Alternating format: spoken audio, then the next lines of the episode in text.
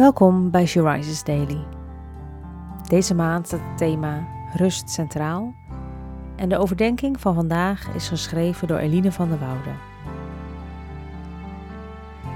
We lezen uit de Bijbel, Psalm 62, vers 2. Alleen bij God vindt mijn ziel haar rust. Van Hem komt mijn redding.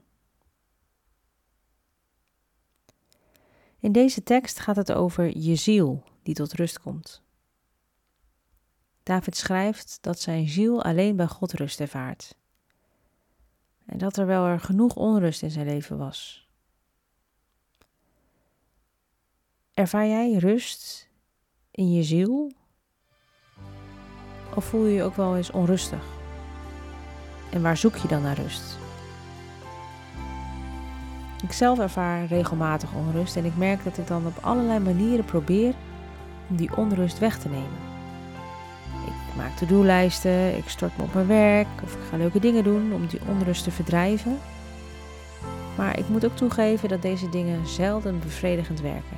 En dat ik mezelf er dan aan, aan moet herinneren. Alleen bij God komt mijn ziel tot rust. En daarom, ik wens je vandaag een mooie dag toe. En mocht je op deze dag onrust ervaren, bedenk dan, God wil je rust geven.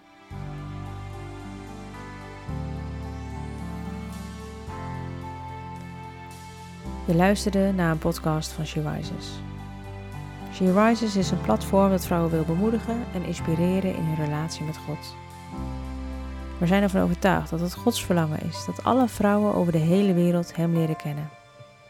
Kijk op www.she-rises.nl voor meer informatie.